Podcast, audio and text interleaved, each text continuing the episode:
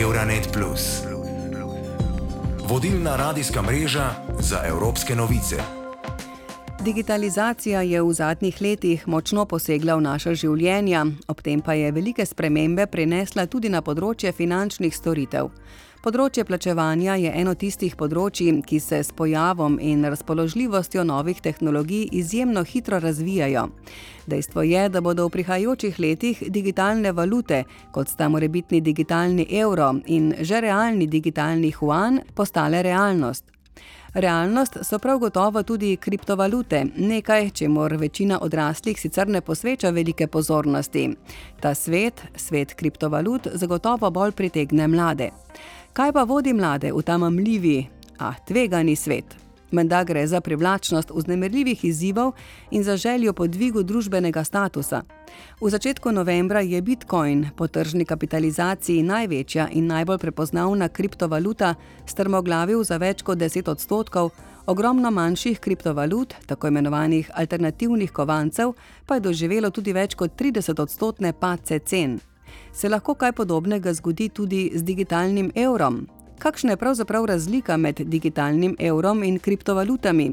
Sem vprašala Simona Anka, direktorja oddelka plačilni in poravnalni sistemi v Banki Slovenije. Ja, ta razlika je izjemno pomembna. Ne želimo, da se v javnosti ta dva pojma mešata, zato bom šel skozi posamezne lastnosti obeh. Ko govorimo o kriptovalutah, Če samo pogledamo njihove lastnosti, nimajo nobene od lastnosti denarja, prave valute. Konec koncev so izjemno volatilne po svoji ceni in z tega vidika je ne mogoče v njih hraniti premoženje. Medtem ko lahko v fiat valutah, to pomeni valutah, ki jih izdajo emisijske banke, lahko o tem seveda govorimo. Poleg tega je zelo težko plačevati kriptovalutami. Konec koncev, kot ugotavljamo, večina transakcij s kriptovalutami je povezanih s špekulacijo in pa z nezakonitimi dejanji. Konec koncev so težko sledljive uh, in kot substitut nekih uradnih valut se niso uveljavile, kljub tistim začetnim idejam, kako bo to neka revolucija pri plačevanju, ampak temu danes ni tako.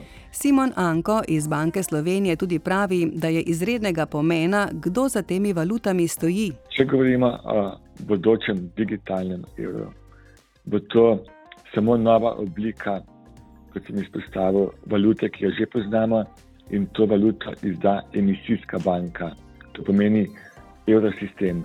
Kaj to pomeni? Da je potem ta valuta tako netvegana, kot danes je netvegana gotovina. Vemo, da gotovina je vedno zamenljiva ena proti ena, enako bo veljalo za digitalni evro, medtem ko vrednost raznih kriptoimeti, kriptovalut izjemno niha in tam ni nobenega jamstva. Tam tudi ni vedno jasno to, kdo je zadaj izdajatelj. Ko se kaj zalomi, ne veste, komu iti ko imate pa terjatev do emisijske banke, pa točno veste, da je ta valuta netvegana, neodvisna v kakšni obliki je, ali to v obliki bankovcev ali pa kot bo, kot sem omenil, nekje konec 2026 po vseh planih. Tudi v digitalni obliki. Zdaj vemo, kakšna je razlika med digitalnim evrom in kriptovalutami, kakšna pa je razlika med digitalnim evrom in evri, ki so virtualno na našem bančnem računu in se pri spletnem bančištvu tudi digitalno prenesajo na drug račun. Simon Anko. Digitalni evro bo v bistvu ekvivalent, digitalni ekvivalent gotovini. To pomeni, govorimo o tem, kdo to izda in kakšen je nivo tveganosti takega denarja. Če imate vi pri poslovni banki depozit, ta depozit lahko z njim plačujete v obliki plačilnih nalogov, uh, mobilnih bank, odvisno od tega, kakšne kanale vaša banka omogoča. In ta depozit je zaščiten, obstaja jamstvo za depozite do zneska 100 tisoč evrov. Medtem ko gotovina sama po sebi je popolnoma netvegana. Gotovina je izdala emisijska banka, mi za njo stojimo, skrbimo za stabilnost te valute in digitalni evro, je samo nova oblika, digitalna oblika tega istega plačilnega medija, če smem to tako imenovati, le da bo v digitalni obliki. Digitalnemu evru bi torej kritje zagotavljala centralna banka, zasnovan pa bi bil tako, da bi izpolnjeval potrebe državljanov, bil bi netvegan in bi zagotavljal zasebnost in varstvo podatkov. Pa bi digitalni evro lahko nadomestil gotovino? Simon Anko, direktor oddelka plačilni in poravnalni sistemi v Banki Slovenije, pravi, da ne. E, mi se zavezujemo, da bo gotovina vedno na voljo tistim, ki jo bodo želeli. Naš motiv tukaj pa je, da je digitalni evro komplement, komplement gotovini. Ne da bi nadomestil. To bo samo nova digitalna oblika gotovine. In tukaj izpostavljam pomen tega, da se gotovina ohrani kot možnost in njena dostopnost. Konec koncev, gotovina danes ima status zakonitega plačilnega sredstva, poleg tega pa je pomembna, da zagotavlja finančno vključenost Imamo številna populacija, mogoče ne v Sloveniji, ampak v posameznih članicah EU, ki nima bančnih računov. In ta populacija je odvisna od gotovine danes, v prihodnje lahko zagotovimo digitalni evro, to pomeni gotovino v digitalni obliki. Se pa tukaj soočamo s raztveganjem eh, digitalne pismenosti.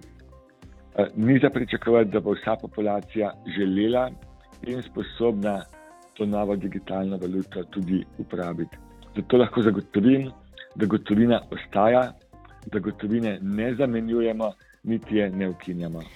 Po vseh teh slišanih pomembnih informacijah o digitalnem evru je zdaj čas, da postavimo skrajno enostavno vprašanje: kaj sploh je digitalni evro? Jürgen Schaff je višji svetovalec vodstva poslovnega področja tržne infrastrukture in plačil v Evropski centralni banki. Bodimo enostavni, lahko ga uporabljamo kadarkoli. To je digitalna različica gotovine ali bankovca. Če pa želite nekoliko bolj zapleteno, potem je to digitalno plačilno sredstvo, ki ga izda centralna banka.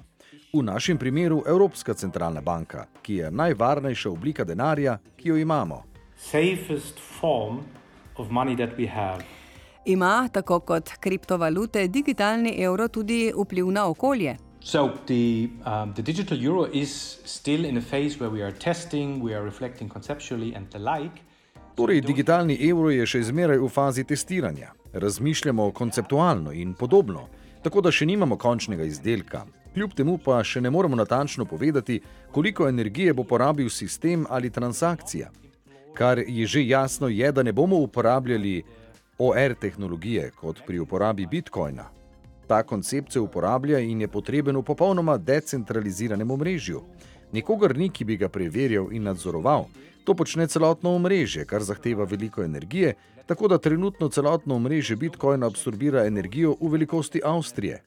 Celotna država in strojna oprema, ki se uporablja za ta proces, sta v velikosti celotne nizozemske. Je torej velik onesnaževalec. Te tehnologije pri digitalnem evru ne bomo uporabljali.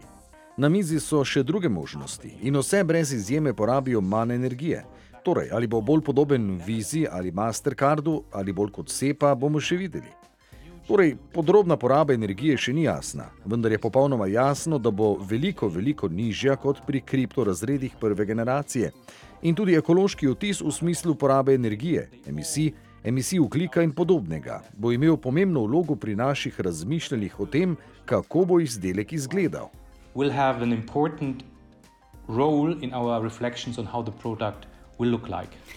In kdaj bomo digitalni evro končno lahko uporabljali? Trenutno smo v fazi preiskave. To pomeni, da razmišljamo o tem in da preizkušamo koncepte. Poskusi so se začeli oktober 2021, trajali bodo do jeseni 2023, torej do naslednjega leta, in na to gre še na svet Evropske centralne banke. Naš najvišji organ odločanja bo tako odločil, ali bomo nadaljevali fazo realizacije, kjer delamo več s pilotiranjem, se bo preizkusila razširljivost in podobno. Potem pa je treba po približno treh letih sprejeti končno odločitev z možnostjo reči tudi ne. Ne glede na to, ali izdamo digitalni evro ali ne, bi bilo leto 2026 lahko prvo leto, ko bi pričakovali, da bo izdan digitalni evro.